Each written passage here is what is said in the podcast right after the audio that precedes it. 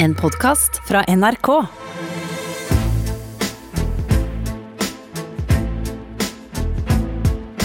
Trump mot verden med Gjermund Eriksen og Sean Henrik Matheson.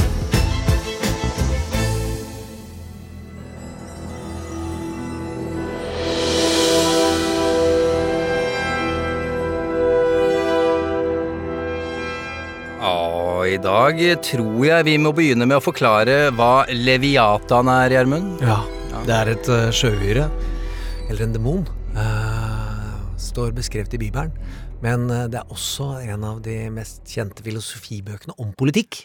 Hobbes. Uh, Hobbs, det var lenge siden. Det er ja, mange år siden. Nå er vi Ja, nede i 16, X-Fill-pensum. ja, ja. Skal ikke snakke mye om det. dette er Men- 1600-tallet, er ikke det? Jo, Jo, ja. men Leviathan Leviatan var navnet på boka hans, eh, og hans påstand at mennesket er hverandres ulver. Altså, vi har ikke interessen for den andre, vi har interessen for oss selv, og vi trenger en statsmakt for å, eh, for å holde disse interessene i sjakk. Men uh, det er også et skjellsord på staten. Ok, eh, greit, eh, men vi må snakke om, eh, vi må snakke om dette fordi vi skal starte med Ja, ja, nettopp. Og vi må Vi skal snakke om dette fordi vi skal starte med en av de mest mytiske figurene i vårt drama. Ja, det er bare ja. Dette er det noen som kjenner, eh, som kjenner igjen lyden av Darth Vader. Ja. Men eh, den som ble kjent som Darth Vader i Trump eh, sitt dynasti, det er jo Steve Bannon. Ja. Og han omtaler da Levi Leviatan eh, som dette skjellsordet om staten. Og så sier han her hva som er den egentlige planen. Den egentlige strategien. We're the true anti-fascist. Fascism looks to worship the state. The Trump movement has three things economic nationalism, American first national security policy, and deconstruction of the administrative state. The progressives over the last 40 or 50 years have built up an administrative state bigger than the cabinet uh, departments we have. It's something the founders never, it's a fourth branch of government. Trump's entire program, it's why Gorsuch and Kavanaugh are in the Supreme Court. The Chevron exemption, they're all about deconstructing. It's not deregulation, it's taking the Leviathan apart brick by brick. The deconstruction of the administrative state. Ja, og dismantling av the administrative state. Ja. Taking the Leviathan apart.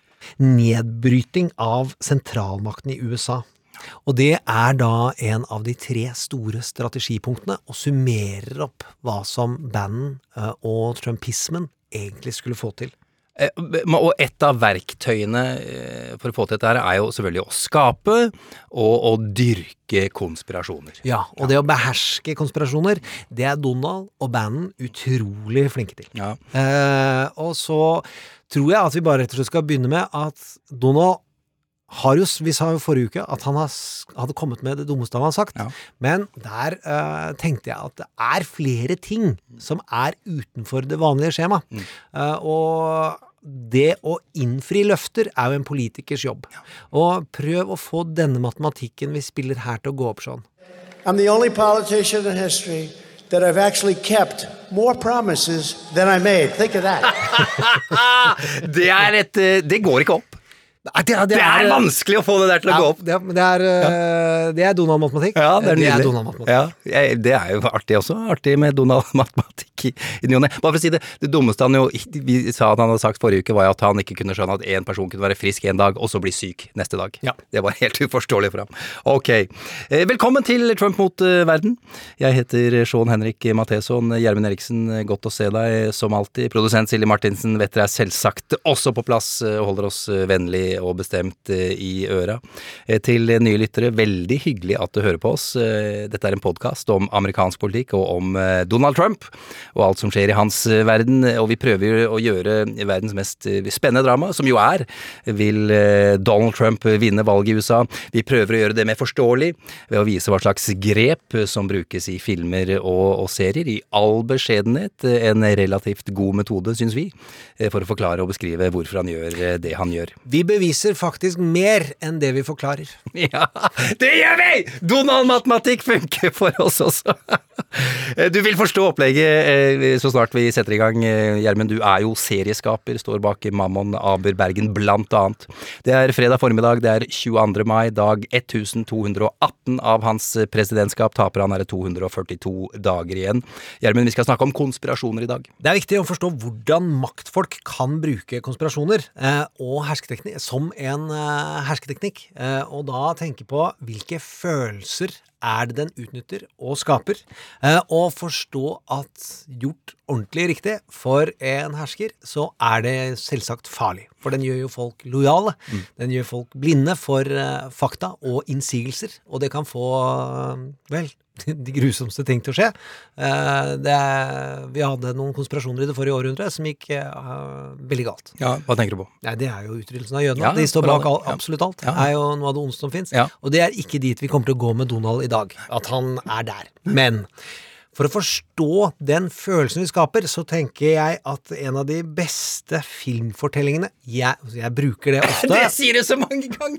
Ja, men jeg har en lang liste, og Ja, det, å ja. komme inn på topp 20, det er utrolig stort. Ja. Med tanke på antall filmer som er lagd. Altså Eh, din topp 20. Min topp 20. Og denne er fra topp 5. Oh, ja, det er bra. Garantert. Det er bra, ok. Eh, og det er eh, The Matrix. Ja, den er fantastisk. Ja, Og Matrix den er bygget opp som en konspirasjon. Det er også en science fiction, så klart, men den er også eh, fanger seere og publikum mye bredere enn det science fiction pleier. For det fins en god del mer science fiction enn nesten alle vi våre lyttere har hørt og sett. Og jeg trodde fram til jeg var 20 at jeg ville like alle filmer og fortellinger som har romskip i seg. Ja. Det er ikke sant. Det er en egen TV-kanal som heter Cypher Channel, som har så mye obskurt, rart drit. Der er det mye ræl, ass. Ja, det er veldig mye ræl. Men Matrix klarte å fange en hel, hel verden, og den bruker da konspirasjonsforføringsteknikken for å gjøre at det er en av de mest populære filmene gjennom tidene. Eh, og det første den gjør, er jo å ha en tease. Altså, den har et spørsmål. Uh, hva er The Matrix? Og den bruker noen teknikker som vi ikke skal gå inn på, for å gjøre at du er veldig nysgjerrig på hva er i all verden er det det kan innebære. Og så har det noe som er veldig viktig for dagens tema, en framing device. Framing device, hva er det Ja, for noe? det bruker man også i politisk kommunikasjon. Det er at man lager en ramme der alt tolkes inn i den rammen. Eh, For eksempel, tilfeldig valgt eksempel, Obamagate. Etter det så er det en korridor. Du må forstå all informasjon som kommer inn eh, i livet ditt, i lyset av det ordet.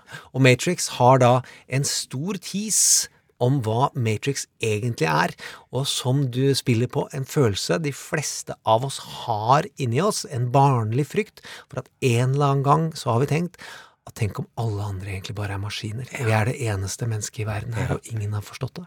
Og så setter Keanu Reeves seg ned, og så snakker han med Lawrence Fishburne, som har gjort de drøyeste ting. Så Keanu er åpen for eh, å ha ny informasjon. Og så skal vi høre her eh, Lawrence begynner å åpne hans øyne for å få han til å tenke og føle helt nytt om verden. Og det store spørsmålet er What is the Matrix? Ja, nettopp. It is the world that has been pulled over your eyes to blind you from the truth. What truth? That you are a slave, Neo. Like everyone else, you were born into bondage, born into a prison that you cannot smell or taste or touch. A prison for your mind.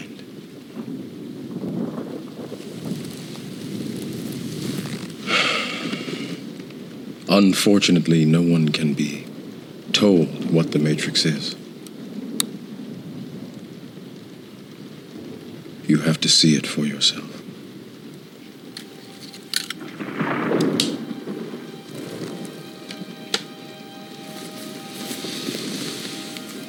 This is your last chance. After this, there is no turning back. Og nå har han begynt å forklare at verden er ikke slik han tror. Og det han skal få til, er det vi har snakket om mye i dramaturgi, det store vendepunktet. Eh, hvor du får til en følelse av alt du trodde var alfa, viser seg å være omega. Altså det er de store ytterpunktene. Det du trodde var godt, er ondt. Tenk på en krim. Eh, oi, oi, oi, oi han, hun er så snill, hun må reddes, hun, må- hun er morder! What the? Det er den følelsen som når du lanserer en konspirasjonsteori, det skal du få det mennesket til å kjenne, for da kan du binde dem til deg for alltid. Og i The Matrix så tas, går denne scenen her da videre, og det legges fram to tabletter foran høyre her. You take the blue pill, the story ends. You wake up in your bed and believe whatever you want to believe. You take the red pill, you stay in Wonderland, and I show you how deep the rabbit hole goes.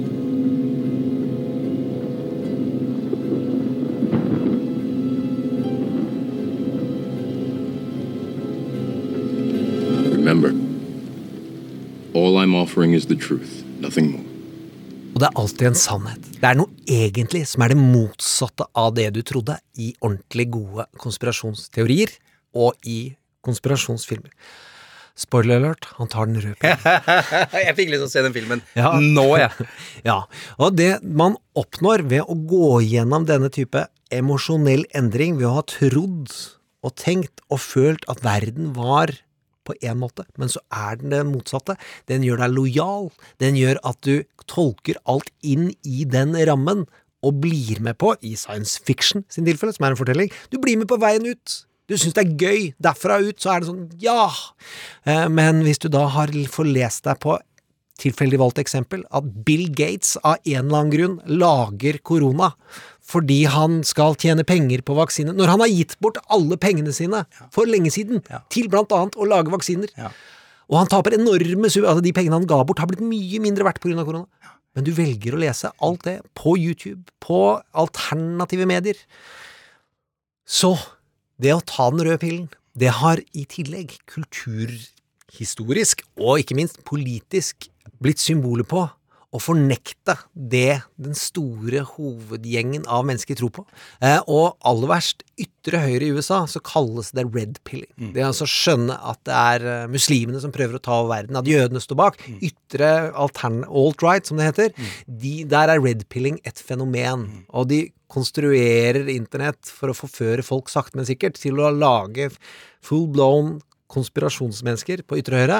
De sier ikke- at Donald er slik, men det hjelper jo ikke at Ivanka Trump slenger rundt seg med at hun tok red, the red pill den uka. Eh, Da sa for øvrig, da sa for øvrig filmskaper, eh, en av Wachowski-søstrene, fuck you! på Twitter til, til Ivanka. for hun likte det ikke. Nei, likte det ikke. Uansett, det viktigste å huske, for det er mange ting å si om konspirasjonsfortellinger, og det er veldig mange konspirasjoner i USA som er viktig for å forstå ulike deler av amerikansk kultur. I dag skal vi snakke mest om Obamagate, men det er denne følelsen av å forstå verden helt motsatt av det de andre gjør det. Det kalles the rush of insight, som er hovedvirkningsmiddelet i dramaturgi. Det å få dette vendepunktet i slutten av en fortelling. Så, å, var det sånn det var? Ja, det er The usual suspects, frihetens regn, Ja, ja. uh, Matrix. Altså, du får enorme tanke- og følelsesprosesser inn i dem. Det er det viktige. Og det andre er the framing device. Få folk til å bli med på reisen. Og der er science fiction God science fiction, mener jeg. Den får du til. Den får kona mi til å se sammen med. Og dårlig science fiction, da er det umulig å bli med for henne. Og det har etter hvert også blitt umulig for meg, hvis de bare er smurium, smurium. Det å lage det regelsettet som hele verden tolkes inn i. Ok. Eh, så hva om du da har en eh, narsissistisk president som har opplevd en at en pandemi har, har fjerna det du hadde tenkt å skryte av? Hva, hva skjer da? Ja, det er eh, for eksempel eh, bra for han om han er flink til å beherske konspirasjonsteorier, for å gjøre folk lojale, blinde for fakta og tro på det han vil at du skal tro på. Mm, ok. Ja, for det første vi skal snakke om i dag er jo da en, eh, en konspirasjon eh, Donald har lansert og laget helt selv. Obamagate, Gjermund. Ja, og så skal vi komme til noen nyanser inni der, at Ja. man kan diskutere ting, så ro dere ned hvis det er noen uh, at vi skal ta fram de, men det har ikke noe med konspirasjonen han drar opp. Nei.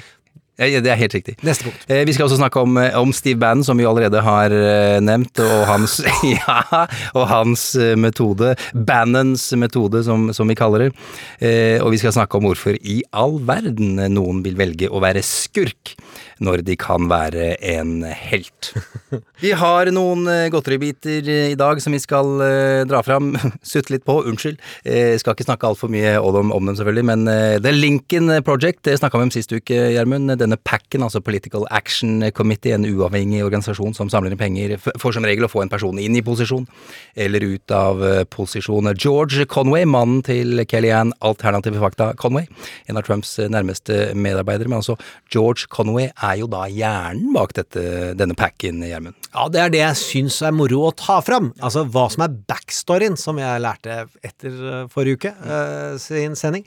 At det nærmeste rådgiveren nærmest som Donald Trump har, er Kellyanne. Han har veldig tillit til henne, og han har veldig tro på at hun skal vinne gjenvalg. Og så er det hvor motstander er denne George Conway? Eh, og da viste det seg at hele ideen til å sende negativ, så negativ reklame som overhodet mulig mot hodet til Donald, det er det George Conway som kom opp med. Fordi forrige valgkamp, da mislikte han Donald allerede, og så var han på et selskap, og så kommer da nestsjefen til Kellyanne, som heter Brad. Han kommer vi tilbake til, og han er leder for hvor alle pengene skal brukes.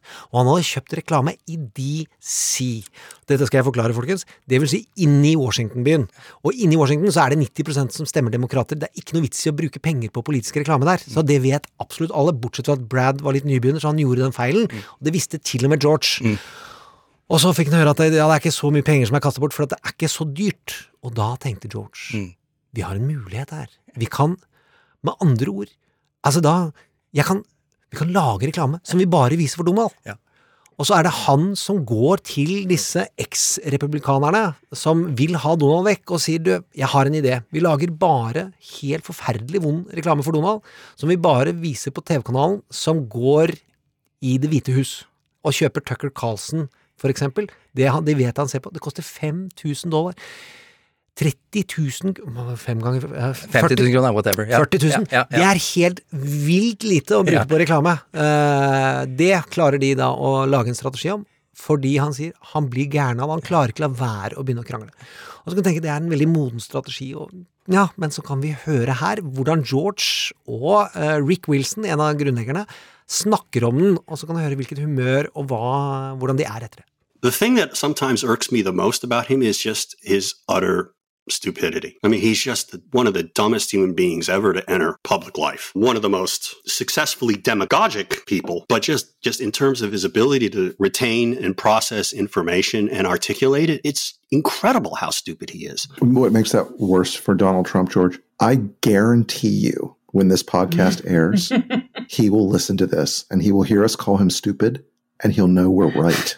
Isn't that right, Don? I'm a stable genius. Nobody's been smarter than me. I, I have a big brain. My uncle was a professor at MIT. I know this stuff. Do you think he knows how to listen to podcasts? Rick is going to send him a link. Fy fader, de er så barnslige! Det er helt vilt barnslig. Ja, Ja, og det er mange flere eksempler på det. Hvordan han imiterer Donald. Og dette her er ektemannen til Donalds nærmeste rådgiver. Ja. Eh, og som han vurderte for å bli justisminister, og har vært eh, sentralt i det republikanske partiet. Og han hater eh, Donald noe eh, intenst. Eh, jeg syns backstoryen var verdt å fortelle. Ja, det er artig. Det er, det er jo sånn at reklamer fordeles jo forskjellige steder. Altså, du får ikke samme reklame på Tucker Carlson i Las Vegas som du gjør i, i, i Washington, bare for å tydeliggjøre det litt. Rann. Vi kan kjøpe Ja. reklame der du bor, inn i den skjermen du er. På TV så er det litt vanskeligere enn andre former, men uh... Det, det er sånn det funker. Ja. Eh, vi skal nevne senator Richard Burr, republikaner, var inntil nylig sjef for etterretningskomiteen i, i Senatet. Ikke sjef nå lenger, og telefonen hans er konfiskert av, eh, av FBI. Fikk, han fikk nemlig tidlig informasjon om, om covid-19 eh, og hva det kunne gjøre med finansmarkedet, og rakk å selge unna aksjer for nesten 20 millioner kroner før markedet krasja. Det gjorde han allerede i februar. Ja, og det her er kjempealvorlig for han. Eh, han har også fått Fox News Tucker Carlson imot seg, som har tatt uh, og Det pleier ikke være slik at de er de som dømmer hardest, men har vært en av de som dømmer hardest. Og hvis han risikerer senatssetet sitt, da er mye i spill. Men, eh, så Ja, hva er i spill, da? Nei, Det er jo at det må bli gjenvalg. Altså hvis han blir dømt for noe kriminelt. Nå er det veldig vanskelig å bli Det er veldig rar lovgivning om innsidehandel til eh, politikerne. Men du kan bli fratatt alle din eh, makt og myndighet, mm. og det får vi jo se. Eh, Du jo også nevne her at det er jo også noen demokrater som har vært ute og fått informasjon og, og solgt unna aksjer her, så det, går, det er litt på begge sider her. Det får han si, Ja, ja. men det er ingen som har gjort det så stort som han. Og så er det en demokrat i California, og Nancy Pelosi, sin ektemann, solgt unna. Ja. Så her er det skitt til alle. Skitt til alle vi deler ut til, til alle parter i dag. ja da! Ja, fint! Nydelig. Science fiction. Siden sist har jo flagget og symbolet for det nyeste tilskuddet til de amerikanske militære styrkene blitt offentliggjort. Nettopp Space Force, det har vi snakka om eh, før, Gjermund. Eh, Denne logoen eh, ligner jo veldig på Star Trek-logoen som vi akkurat hørte musikken fra her. Altså, veldig, veldig Det er jo kliss. De er jo kliss like, basically. Det er fantastisk. Eh, skal jeg godt eh, kaste inn her at eh, denne logoen skal være basert på en logo fra Air Force Space Command, som er en ekte del, var en ekte del av luftforsvaret til USA, etablert eh, på tidlig 80-tall. Handla stort sett om å få bedre kontroll over det som foregikk i verdensrommet, oppskyting av satellitter, varslingssystemer og, og slike ting. Eh, men det symbolet kom 16 år etter det første, den første episoden av Star Trek eh, da den gikk på TV, så vi er vel i grunn tilbake i utgangspunktet her, til utgangspunktet at den ligner veldig mye på Star Trek. Ja, den er lagd for Star Trek, og lagd av Star Trek, og nå har det vært lagd reklamefilm om Join the Space Force. Og som man skjønner forskjellen med at det lå under Luftforsvaret, Mm. der var det ikke en egen militærgren. Nå er det en egen militærgren. Og det mener jeg bare er fint, og jeg tror det er flott. Og vi, øh, nå har vi starten på det, og så får vi håpe at det ikke skal bruke til å utnytte universet. Og så er det en konspirasjon som jeg har lyst til å lansere, og som ikke er veldig originalt fra min side, men det er jo at det faktisk må være en helt kickass-glad i Star Trek-person inne i Donald Trump sin nærmeste regjering. For kjernen i Star Trek er at det reiser et team rundt, rundt om i hele universet eh, for å oppdage nye steder. Og da trenger du å reise mye fortere enn det de andre gjør. Og da reiser du i warp speed. Og hva er det Donald Trump har kalt den nye kommisjonen, kommisjonen for å gjenåpne USA? Hør her. Today, I want to update you on the next stage of this momentous medical initiative. It's called Operation Warp Speed. That means big and it means fast. A massive scientific, industrial, and logistical endeavor, unlike anything our country has seen since the Manhattan Project. You really could say that nobody's seen anything like we're doing, whether it's ventilators or testing. Nobody's seen anything like we're doing now within our country since the Second World War. Incredible. Incredible. Ja. Eh, nydelig. Kart kommentar i forhold til eh, demagogeri og manipulasjon. Nå står vi i den verste krisen siden andre verdenskrig, så da skal jo han si at dette er det mest positive siden andre verdenskrig. Moving on. Moving on. Nå har han lansert eh, Space Force, men vi må ta med helt til slutt Ja. at uh, det skal også være en kjempeinnsats for å beskytte potetene. Hør her. We're going after Virginia with your crazy governor. We're going after Virginia. they want to take your Second Amendment away. You know that, right? You have nobody guarding your potatoes. ok, vi må gå videre. Eh, Vi skal til Obama, eh, og hva som egentlig er hans rolle, Gjermund. Ja, og husk at Obama er the chosen one. Eh, altså one, akkurat som i Matrix. Mm. Ja, ja. At eh, han er chosen one, og hans navn er Neo. Neo. Altså bytting av bokstavene Ja, det blir one. ja, Det er sant, det. Det er sant. Og Donald Trump kan være chosen two. Trump mot verden med Gjermund Eriksen og Sean Henrik Matheson. Barack Hussein Obama, født i 1961 i Mombasa i Kenya. Nei da! Vi er da ikke Breitbart heller! Nei da, Obama har helt sikkert ikke gått lei av den vitsen. Nei, heller. sikkert ikke. Har aldri hørt den der før. Nei da, født i Honolulu på Hawaii 1961 av en amerikansk mor og en kenyansk far.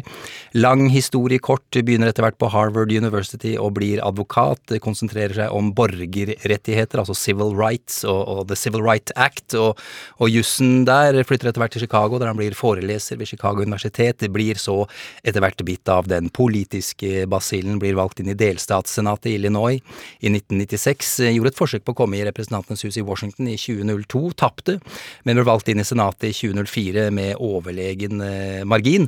Eh, Det samme året fikk han sitt eh, store nasjonale gjennombrudd. Han var hovedtaler på Det demokratiske landsmøtet. Vi har sett vår første svarte president. Ja, det var flere tungvektere innen både media og i politikken som, som sa, etter å ha hørt, hørt ham tale. Og i 2008 skulle det skje, selvfølgelig. Han ble valgt til å være demokratenes representant, eh, satte rekord i å samle inn penger til kampanjen, og sammen med visepresidentkandidat Joe Biden slo han John McCain og hans running mate Sarah Palin, og ble USAs 44. president, og ikke minst den første svarte presidenten i USA. Eh, Han gjorde det samme fire år seinere, da var det Mitt Romney som ble slått, eh, gift med Michelle Obama selvfølgelig. Eh, Møtte vel henne på Harvard, tror jeg. Eh, Som vi jo har utropt til denne podkastens høye beskytter, Gjermund. Så klart hun er det. Selvfølgelig er hun det. Eh, Kommersielt veldig interessant, siden hun er med, gitt ut en av verdens mest selvsolgte bøker. Ja. Regner med at hun blir gjest i august. Jeg satser mye på det. Eh, Har, eh, altså Barack og Michelle har jo blitt TV- og, og filmprodusenter for, for Netflix. Inngikk en avtale med, med strømmegiganten for et par år. Eh, Har sitt eget produksjonsselskap. Higher Ground Productions heter det, og har jaggu vunnet en Oscar allerede for dokumentarfilmen American Factory. Den finner du selvfølgelig på Netflix. Vant de Oscar på første forsøk? Er ikke det ganske bra? Er du ikke chosen one, da? Ja, det, ja, det, Vi er ja, det er helt vilt. Jeg har sett den forresten, eh, hvordan et eh, gigantisk eh, kinesisk selskap kjøper en nedlagt bilfabrikk fra General Motors i Ohio, og redder da jobbene til alle som jobber der, men kulturkrasj er stikkord her. Ja, Barack har jo holdt en relativt lav profil når det kommer til amerikansk politikk siden han gikk av, ikke nå lenger. Nei. Nei. Og der, eh, dramaturgisk, så er han jo veldig god til å lansere seg selv. Han har mye rådgivere til å jobbe i kulissene, og de som har hørt oss de siste ukene, vet jo at først så hadde han en telefonsamtale med sine 3000 nærmeste kolleger, eh, hvor det accidentally lakk et opptak av den konferansen, slik at Obama ikke behøvde å si at nei, jeg visste at det ble sagt offentlig.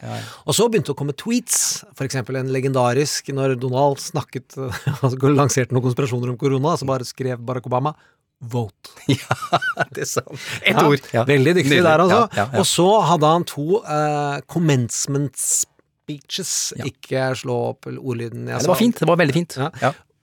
I det forrige helg, eh, hvor han holder taler til avgangselever, eh, og som er en veldig stor og viktig tradisjon. Universiteter, ikke sant. Ja. Ja. Eh, og hvor det er viktig også å si kloke ord, og inspirerende ord, og underholde. Og det gjorde han, eh, men han klarte ikke la være å komme med noen solide spark. Og det, dette gjør han jo etter at han først har sagt Det er lekket fra telefon, så har tweeten kommet, og så kommer den her. Kan vi bare høre. More than anything, this pandemic has fully, finally torn back the curtain on the idea that so many of the folks in charge know what they're doing. A lot of them aren't even pretending to be in charge. Doing what feels good, what's convenient, what's easy, that's how little kids think. Unfortunately, a lot of so called grown ups, including some with fancy titles and important jobs, still think that way, which is why things are so screwed up. Ja, men Han nevner jo aldri Trump med, med navn. Det er jo et uh, lite triks, det også. Ja, men Obama vet å by opp til kamp, og han vet at han tenker litt som Conway også. Han vet at han kommer umiddelbart under huden på Donald, og han vet at det kommer en reaksjon. Og det er jo Obamagate. ja, for da kommer jo da nettopp Donald og påstår at Han sier jo at, det er, at Obama er ansvarlig for den største skandalen i amerikansk historie! Vi snakker om et land som har drevet med konsentrasjonsleire, borgerkrig, slavehandel, drept utallige indianere i sitt eget land, og ganske mange i andre land, og ikke alle krigene har vært helt redelige. Det er et pretty fucking høy Hva heter det? List å krype Ja, det for å klare det. Men uh, det er klart, Obama har vi fulgt med på. Ja. Uh, og det er jo ikke Det begynner ikke Jeg syns det, det er useriøst å begynne med Obamagate. Jeg tror man må ta alle skandalene. I hvert fall no, altså noen av dem. Ja, det er helt riktig. Vi skal, vi skal selvfølgelig snakke om Obamagate, men vi skal for en, ta for oss en liste over skandaler som vi vet har skjedd i løpet av de åtte årene Obama satt som president, og eh, dette her blir røft. Jeg bare sier det. Ja, og vi kan begynne med det, er en av de som vi husker best. The Tan Suit. The president came out addressing reporters on Thursday, and he was wearing this tan suit. Tan suit. President Obama's decision to wear a light tan suit at yesterday's news conference. He was wearing a tan suit. Light tan suit. I, I think it was shocking to a lot of people. Is this an effort to make him look warmer? tan suit and how the tan suit made him look unpresidential. Whoever talked him into going into a tan suit, they're so desperate because of these low poll numbers, they're willing to do anything. Lysbeige dress. Grusomt. Villig til å gjøre hva som helst. Hva som helst. Og dette her er jo da fra Daily Show, som har satt sammen eh, en topp ti-liste, men hvor vi tenkte at vi får ta, for, ta fram de største. Eh, og denne beige dressen er den jeg husker Jeg husker den så veldig. Jeg husker mest. Ja, fra, som, det ble som uh, la oss si ligger i det parodiske hjørnet. Ja visst. Uh, hva med denne her? American flag pin is standard accessory for just about every politician and candidate in the country these days, but not Barack Obama. He stayed in Johnson County to give a speech in Iowa City. And he wasn't wearing an American flag pin, flag pin, flag pin. Presidential contender Barack Obama won't wear an American flag lapel pin. A reporter for ABC's Cedar Rapids affiliate was the first to notice.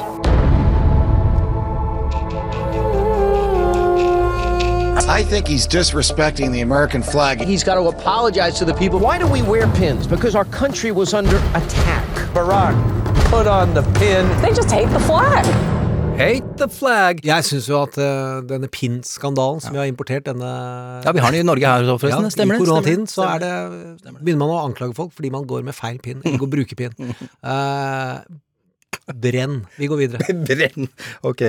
Ja, og denne må vi tenke på. Se for oss litt eh, foran oss. Da har vi én uh, stykk eh, russisk eh, statsleder eh, på hest i bar overkropp mot Barack Obama, som har på seg sykkelhjelm. Dette medførte et enormt raseri. Hør her. Something I'll remind you that Ronald Reagan never did.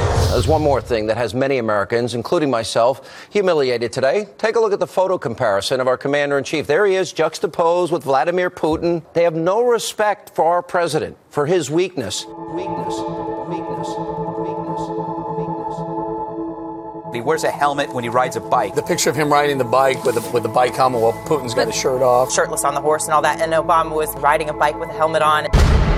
It all began with the picture of President Obama on the bicycle with the helmet, and, and now we're paying the price for that. Putin, big, strong, muscular, on a horse. There's Obama riding a little bicycle with a with a helmet on. Uh, a leisure, not not like a, a real racing bike. I mean, just going out for leisurely, and he's got this dumb hat on, got dumb helmet on. This is humiliating.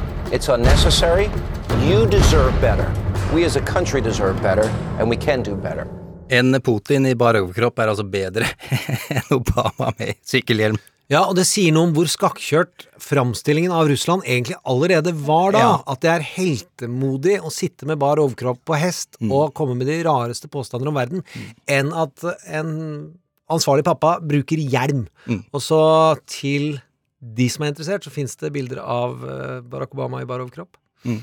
Ja, ganske flott mann. Han er, Sa han er jeg vel, det? Sa jeg- veldreid. sa jeg er det? veldreid. Det er greit. Nei, vi er åpne. Ja, ok, fint. Det må være åpne om. Det må ikke an å si det. Han er veldreid. Ja, ja, Vi går videre. Ja, artig. Poenget her er at de nevner jo her Ron Reagan, og i hvert eneste klipp vi har hørt, så er det bilder av Ron Reagan i en tan suit, osv., osv. Med andre ord, eh, Ron Reagan, den store helten, har gjort basically akkurat samme. Det gjelder veldig mye av disse fabrikkerte skandalene. Ja, det var jo, som du sa, Gjermund, eh, de litt eh, tullete skandalene i, i Obamas sin eh, presidentperiode. Men, men la oss gå til Obamagate nå. Hva er Obamagate? Hva hva er det denne konspirasjonsteorien handler om? Det er jo eh, fiksjon, og det er eh, løgn, men det bygger på noen ting som har skjedd. Og det er det som er når du skal lansere en god konspirasjonsteori, så må du ha noe gjenkjennelig, enten noe ekte fakta i bunn, eller en ekte følelse. Matrix er jo science fiction hvor de driver med de utroligste ting, men den ekte følelsen av at mennesker er maskiner, og du er det eneste mennesket, og du er lurt av en hel verden, det er sant. Selv om det ikke er sant i objekt, eh, vitenskapelig forstand, Ja, ja. så er det en sann følelse. Og Donald har jo da tatt tak i at Obama hadde som utfordring at FBI, alle etterretningstjenestene, sa at Russland driver og påvirker valget. Og vi har mange hendelser hvor han holder igjen hvordan de skulle gripe inn, eller hvordan de skulle forholde seg til Trump-kampanjen. Og vi har denne nasjonale sikkerhetsrådgiveren som het Flynn, og som har ringt til den russiske ambassadøren og lovet ting og løyet om det til FBI, og løyet om det til visepresidenten.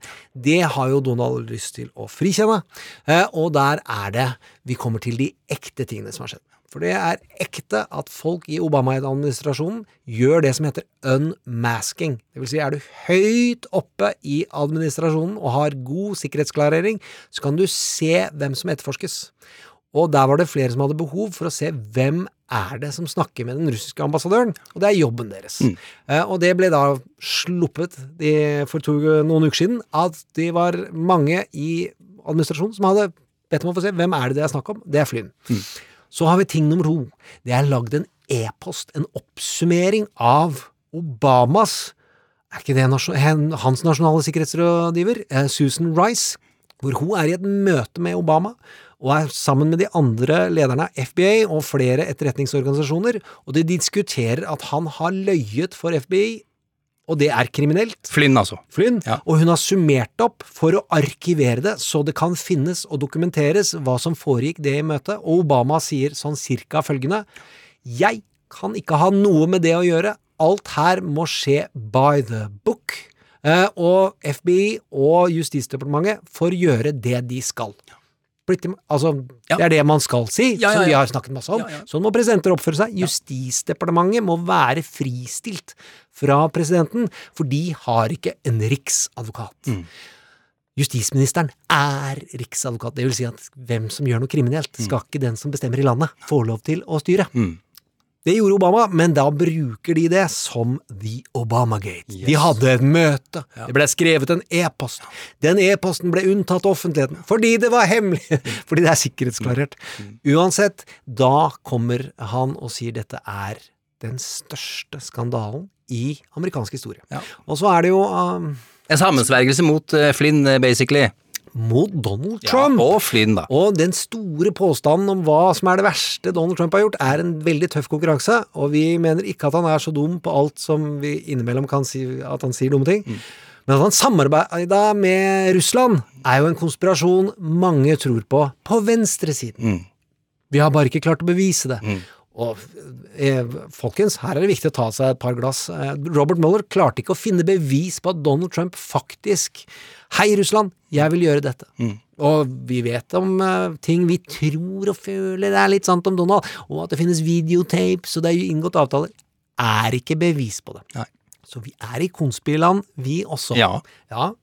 Eh, men- Viktig poeng du har der. Ja. Vi og venstresida også, i konspiland. Ja, vi er i konspiland, Ja, ja. fordi vi har ikke bevis. Vi vet at de faktisk samarbeida med russla- russerne, eh, men ikke at det var på et kriminelt nivå.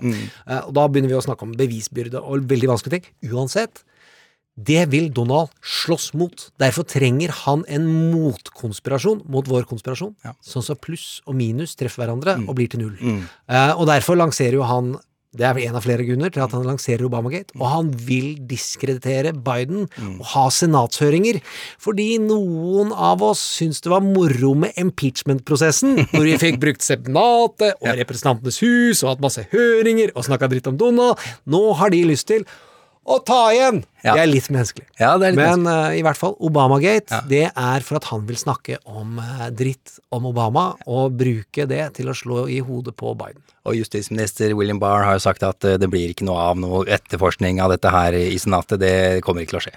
Eh, Det, rett og slett det I Senatet er det jo ikke han som styrer, men han vil ikke innlede etterforskning av Barack Obama. Mm.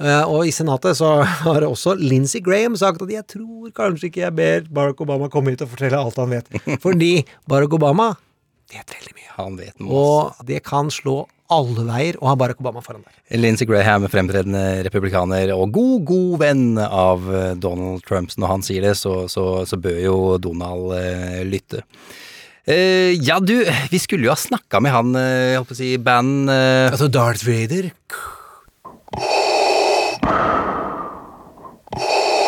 Ja, men jeg tror vi kan ringe til den, faktisk. Jeg har nummeret. Ja. Det, og det er Jeg vil jo si at det nesten er bedre det vi nå gjør. Vi ringer Norges svar på Darth Vader, altså tidligere statssekretær til Erna Solberg, som var spinndoktor. Sigbjørn Aanes snakker om. Gå- Gammel venn av oss. Ja, han er eh, faktisk venn. Han ringer vi, og skal vi spørre hvordan han vil eh, jobbet mot denne typen konspirasjonsbruk, og særlig dette med framing device. Det at du bare sier Obamagate, og så må alle journalister bare løpe etter. Oi, oi, oi, hva er det galt, hva er det som har skjedd her? Hei, det er Sigbjørn.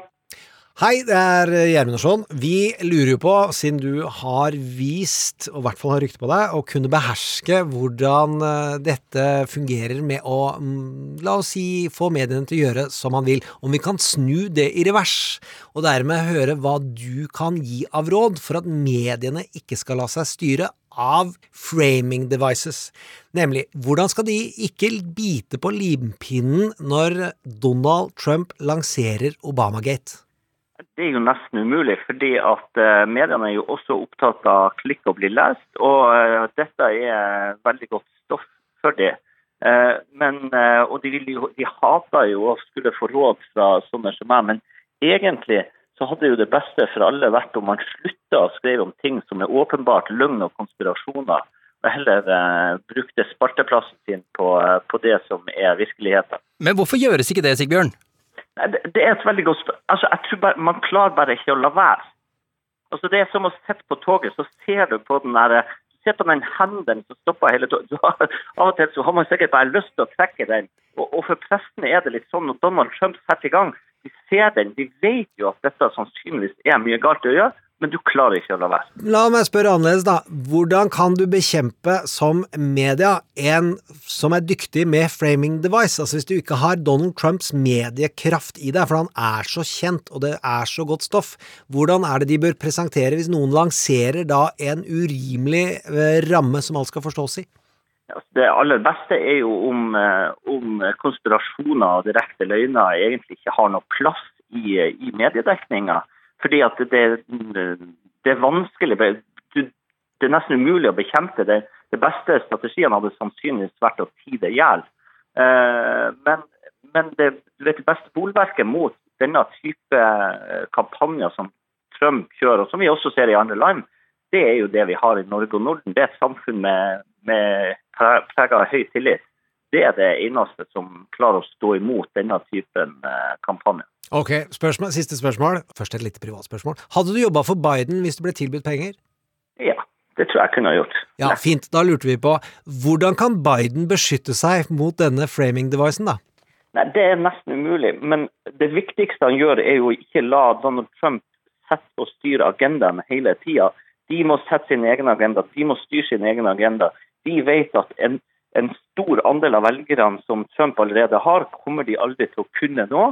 De må finne ut helt nøyaktig hvem er det vi skal overbevise, og så må de være eh, lojal mot eh, den målgruppa og ikke bry seg om det som vil være støyen fra Donald Trump mot velgere Biden allikevel aldri kan få til å stemme.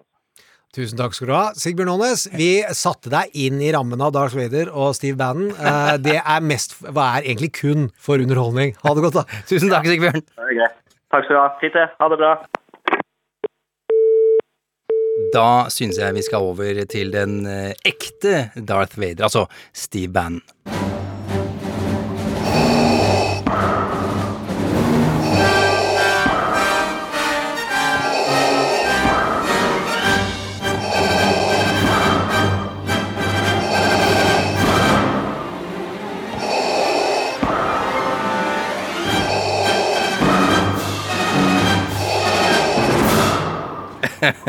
Steve Bannon.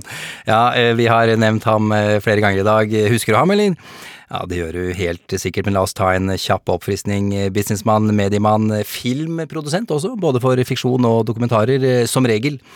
For folk med samme overbevisning som han selv, men i starten, første film, var for skuespiller og mannen som er langt ute på venstresida, leftist Sean Penn, og hans film Indian Runner. Men kanskje det funniest fact her er at han har tjent en haug av spenn, masse, masse spenn, på Seinfeld, Gjermund. Det er På første forsøk. Artig, på en eller annen måte. I i 2012 ble han sjef for nettstedet Breitbart, en nyhetsformidler langt ute på ytterste høyre fløy. Drevet av ideologi, mer enn faktiske nyheter, må vi kunne si. De går aldri av veien for å publisere konspirasjonsteorier, så lenge det fremmer deres syn på verden, eksempel at Barack Obama var født i Kenya, nettopp. Birtherism-konspirasjonen. Pizzagate, du vet den barnesexligaen med høytstående demokrater, med Hillary Clinton som sjefsovergriper i kjelleren til en pizzarestaurant i Washington. Sånne nyheter finner du på Breitbart. Band satt i styret i Cambridge Analytica. Det er verdt å nevne, dette analysefirmaet som på ulovlig vis samla inn data for, ja, million, fra millioner av Facebook-brukere, og som blir brukt som verktøy til å påvirke velgere til Donalds fordel under kampanjen hans. I 2016, omtrent tre måneder før valget, ble han kampanjesjef for Donald Trump. Ble sjefsstrateg i Det hvite hus da Donald vant. Ble værende i drøyt halvt år. Bare altså. Gikk av i august 2017. Ja, eller fikk han sparken, kanskje. Det er nok det mest sannsynlige. Selv om den offisielle versjonen var at banden slutta for å dra tilbake til Breitbart for å kjempe for Donalds agenda i mediene. Handlet nok mest om at Donald hadde fått nok av ham. I intervjuer hadde han snakket mot sin sjef. Eksempel var han uenig i at de skulle angripe Nord-Korea militært. I tillegg tok han masse, masse kred for at Donald vant valget. For mye, synes Donald. Det ville han ikke ha noe av.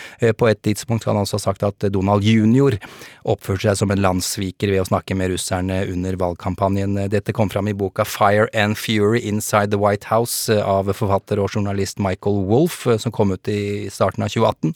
En av mange bøker som beskriver det som skal være det totale kaos i Det hvite hus. Fire and Fury, forresten, det var det Trump sa ville regne over Nord-Korea dersom de skulle finne på å true USA. Ja, dette er vår andre comeback-kid for dagen, Gjermund. Hva er det Steve Bannon holder på med for tida? Ja, det er nettopp det. Han driver en YouTube- og podkastsending, så vi er i samme bransje. Men og hele tiden snakker om da The Resistance og motstand. Men uh, mest av alt så er det jo fordi rykter, gode kilder innad i Det hvite hus, sier at Bannon nå har begynt å ringe til, bli ringt til av Donald Trump igjen. For Donald liker å bruke det han har brukt før, til å vinne igjen. Altså, Steve Bannon er en av de som var de gode strategene som hjalp han til å forstå hvordan samle veldig mange ulike målgrupper, og blant annet denne forståelsen av uh, å vinne de statene som heter Michigan, Pennsylvania og den siste. Ja, ja. ja det er Bannons veldig spisskompetanse i å forstå medievirkelighet, for han driver Breitbart. Uansett så har Donald begynt å snakke med han igjen, uh, og det som er relevant, er jo at bruken av konspirasjoner, som uh, det vi gjør her, Obamagate, det er en del av hvordan Bannon jobber, og hvordan han sa de skulle få kontroll og få gjennomført politikken. Ja, det vi har kalt Bannons metode. Ja, ja. og det er noe han da kaller Og han sier det eksplisitt, ja. så dette er ikke en konspirasjonsteori. Nei. Dette er en konspirasjon, altså hvordan han sier at de skal få gjennomført politikken. Det er 'flooding the zone'. Det vil si å lage masse skandaler og tankeprosesser og ting folk føler og mener masse om, for å fjerne oppmerksomheten fra noe annet. Det, dette minner meg litt om noe vi snakka om før, um, illusjonister. Altså, de gjør noe med høyrehånda for at du ikke skal se hva som skjer med venstrehånda. Ja, ja, men, på, en, på en måte. Ja, men for, ja. i illusjonistens tilfelle så vil jo han bruke høyrehånda til å avdekke en tryllekunst. Så før eller siden skal det komme fram. Mens her handler det om at de lager masse støy for å holde oppmerksomheten og holde folk lojale, og ikke tro på faktabaserte nyheter.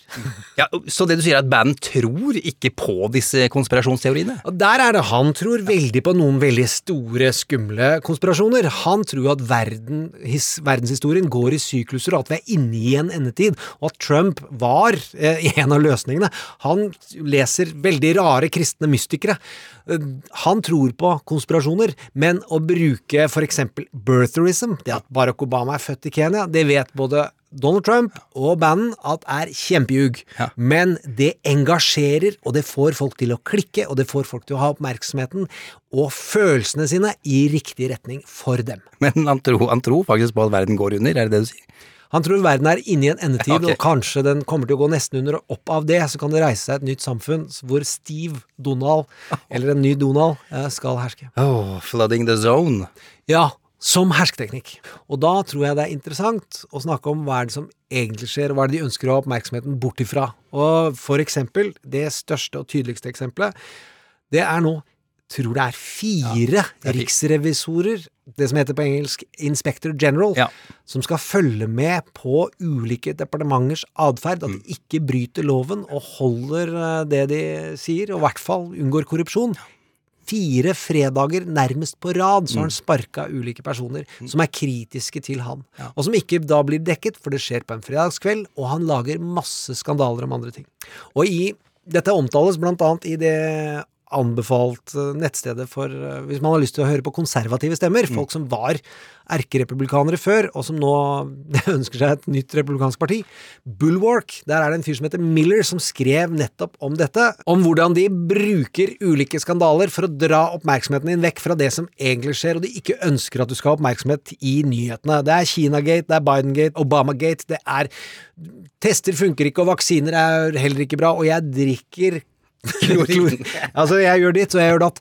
Eh, At det handler også veldig mye om eh, at eh, vi ikke skal snakke om en liste av hendelser, altså. Nå snakker, du snakker om Tim Miller nå, bare kjapt. Hvem er det? Ja, det er uh, sjefstrategen til Jeb Bush, som trodde han skulle få lede den store presidentkandidaten som ville knuse Hillary Clinton, men i stedet tapte raskt så det sang. Ja, Åpent homofil, bare verdt å nevne det også. Ja, og det må man huske på, at det var det ganske greit å være også i Det republikanske partiet, selv om det ikke ble stemt på, fordi det fins en del eh, Bible clutchers som eh, var imot det. Og Obama heller ikke for uh, homofilt ekteskap før Biden lanserte. Nei, det er helt riktig. Dæven, det hadde jeg glemt. Og under alle disse skandalene så er det mange småting som bare hives ut, og som vi nesten ikke får, som ville vært kjempeskandaler under Obama. Donald eh, Trump jr., hva er det han gjør? Jo, han, han sier jo at eh, Han pusher jo Biden som pedofil på en tweet her eh, for en dager siden. Ja, mest med humor, men allikevel. Ja, det er ikke humor. jo, jo, men- ja, men det er ikke humor, Nei, det er ikke humor. skjønner vi, men det blir ikke massestyr av. Det, og den andre broren, Eric Trump, som vi kommer tilbake til, han mener at korona er en konspirasjon for å svekke faren fram mot valget. Ikke nødvendigvis viruset, men hvordan det dekkes og hvordan det behandles, og at alt skal stenges. Alt var til for å ødelegge Donald. Det er også sånt som går under radaren. Og så er det de store tingene som handler om the dismantling of the administrative state.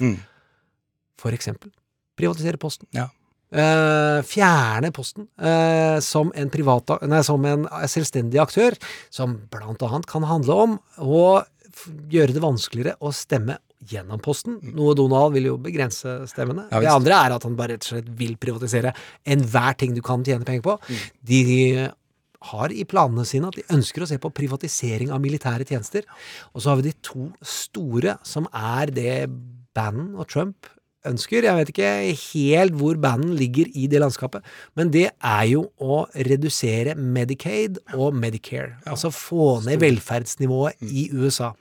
Og det er det som man regner med at Donald kommer til å prøve på i neste periode, hvis han klarer å vinne valget. Bare en kjapp kommentar til det med posten. Eh, Donald Trump har jo sagt rett ut at dersom det blir enklere for folk å stemme gjennom posten, så vil det bli vanskeligere for republikanerne å vinne valget. Vil ingen republikaner bli stemt inn? Han har jo en hang til å overdrive, eh, men at eh, de Og han har allerede begynt å holde igjen, true med å holde igjen støtte til Nevada og Michigan. Hvis de deler ut mailer ballots, så skal han begynne å straffe dem, noe som er komplett ulovlig fra hans side, men det holder jo ikke han fra å prøve.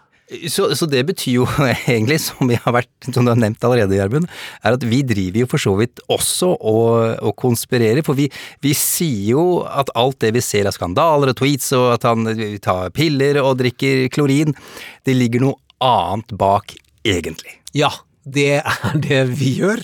Så vi, og dette er veldig vanlig. Det fins mange som har forska på konspirasjonsteorier og hvordan de svermer rundt i USA. Og det er svære tall om hvordan mange tror på dem. Og en myte er jo at det bare fins på høyresiden. Det er 30% på høyresiden nå som tror at koronapandemien utnyttes for å svekke Donalds eh, vinnersjanser, eh, altså av media og av politikere. At det er det de faktisk driver med. Det er et svært tall, men veldig mange tror at Kennedy han er drept av CIA. Ja, det er også mange som Ja, tror. og vi brukte mange konspirasjoner mot George Bush òg. Det var på ytre venstre. Kom jo eksempel at Twin Towers var skutt ned. Vi brukte det mot Reagan. Eh, ja, han brøt loven noen steder, men også lagde man. Og Og det, det sprer seg over begge sider. Ja, ja. Og vi holder på med det, vi også. Ja. En veldig stor forskjell, Ja. det er at sjefstrategen til Donald Trump sa at de bruker konspirasjoner to flood the zone.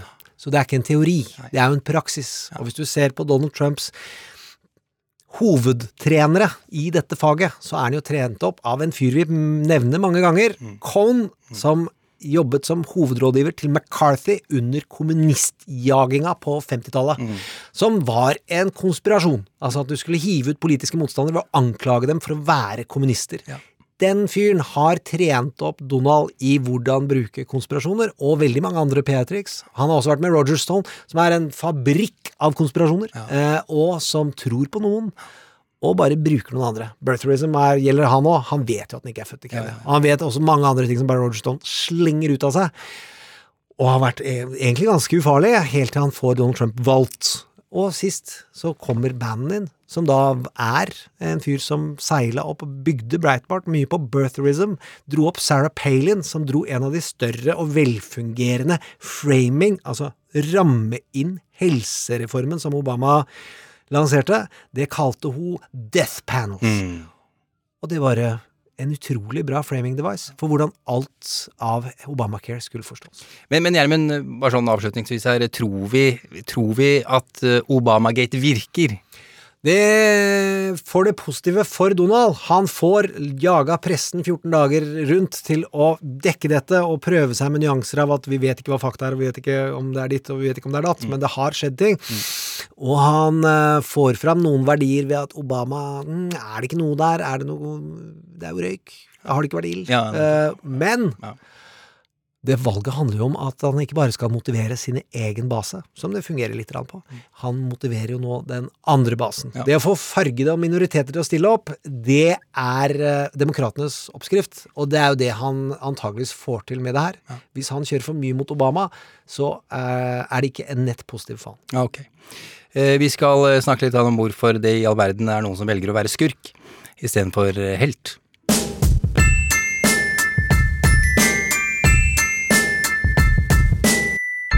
Trump mot verden. Hvis du kunne velge mellom å være mm, superskurken Darth Vader i Star Wars eller helten Luke Skywalker, hadde du sannsynligvis valgt Luke.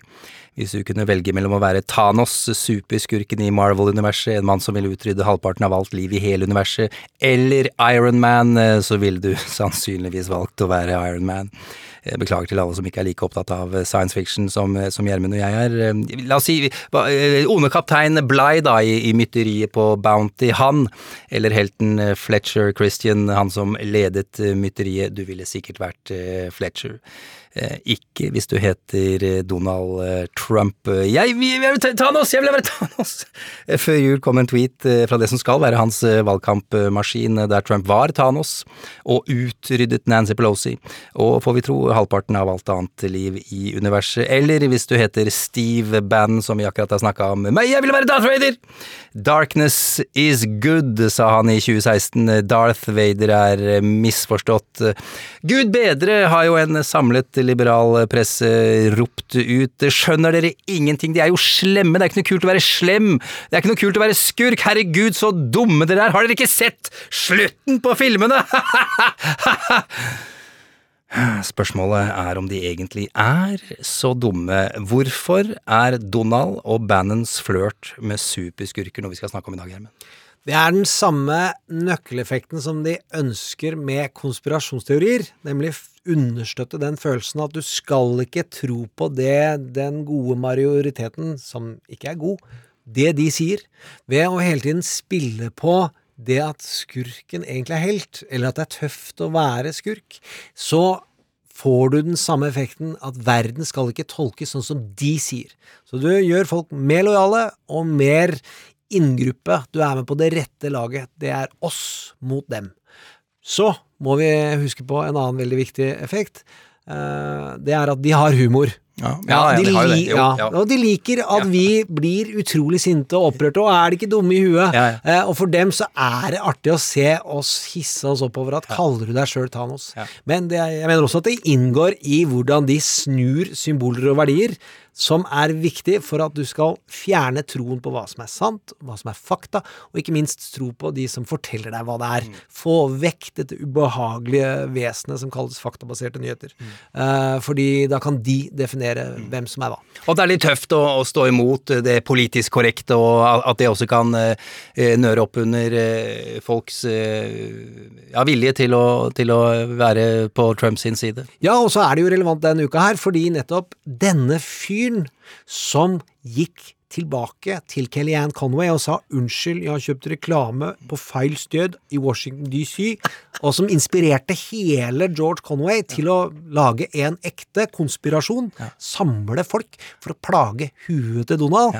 Den fyren lanserte nemlig hele sin digitale infrastruktur for hvordan han skal kunne spre disse falske påstandene om virkeligheten, sammen med mange sanne påstander om politikk og ideologi og skal stå for republikansk parti og hva Donald Trump har tenkt å gjøre.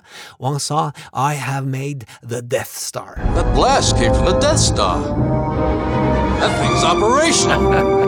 Ja, nå er den fully operational, eh, og så velger de da den metaforen som eh, spoiler alert, folkens. Det er ikke bare én gang The Death Star eh, sprenges Nei. i Star Wars. Flere ganger. To ganger i hvert fall. Men hvis vi bare skal prøve å huske tre ting, så er det at Donald Trump eh, ikke er så dum på alt som vi sier at han er noen ganger. Det andre er at konspirasjonsteorier må fange følelsen til folk og snu det de trodde på var sant, til det motsatte. Eh, finne, avdekke det egentlige. Og så trenger man en framing device, så alle ting kan tolkes ut ifra det ene perspektivet derfra ut. Obamagate er en sånn en, den røde pillen er en annen. Vi skal til ukas karakter. Here now is Eric Trump. I run my foundation based on the principles my father taught me honesty, integrity, We focus on things that are sexy, right? That's what we do. and values.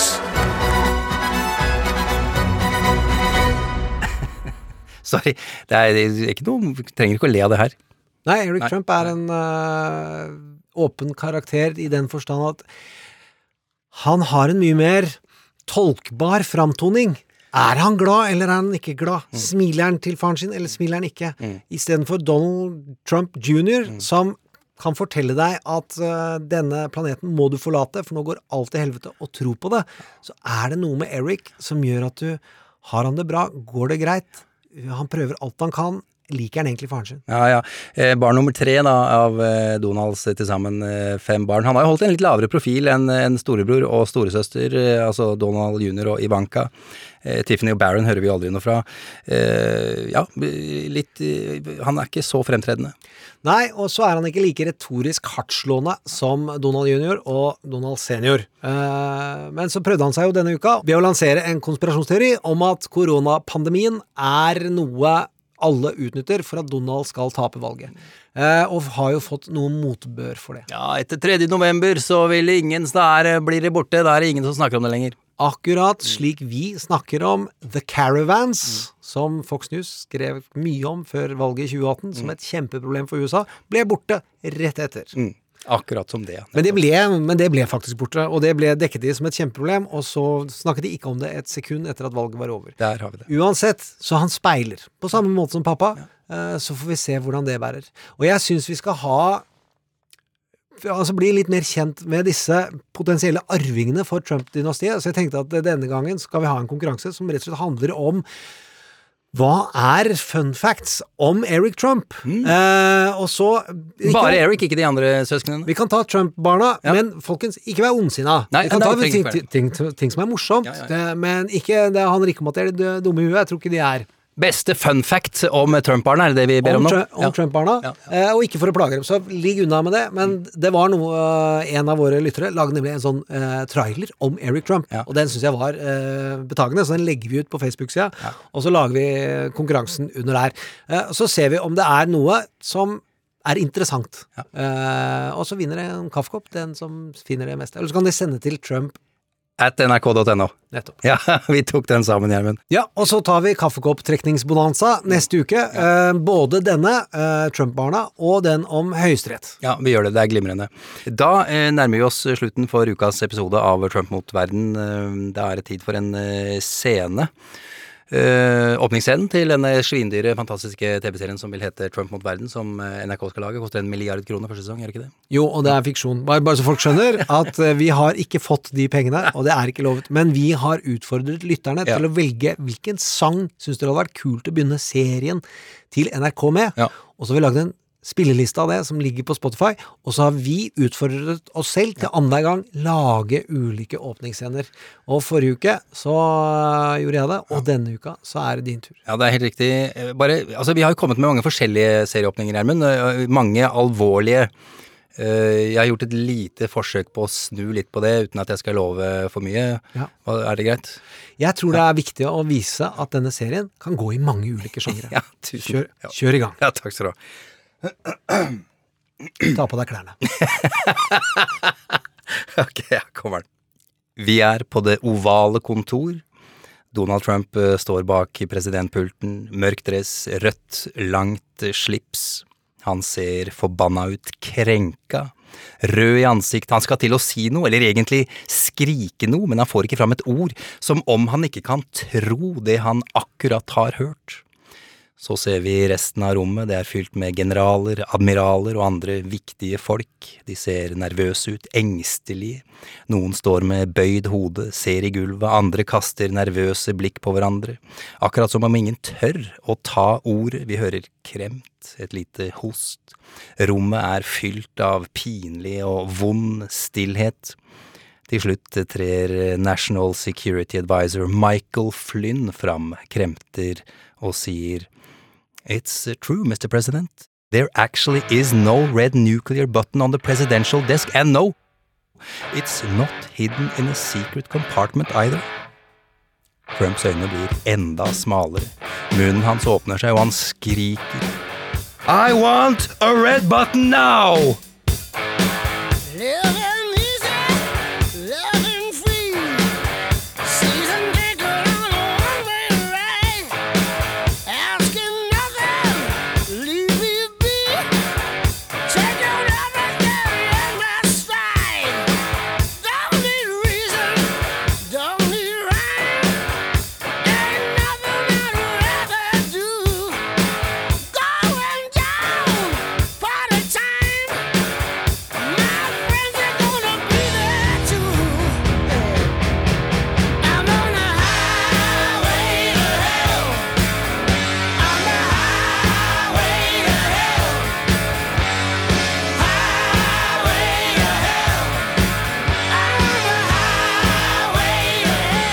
Du har hørt en podkast fra NRK. Hør flere podkaster og din NRK-kanal i appen NRK Radio.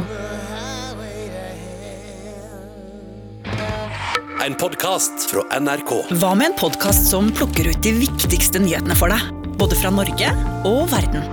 Og som snakker om dem på en sånn måte at du ikke klarer å la være å høre på. En snarvei til skikkelig peiling. Hør nyhetspodkasten Oppdatert Med meg, Ragna Nordenborg. i appen NRK Radio.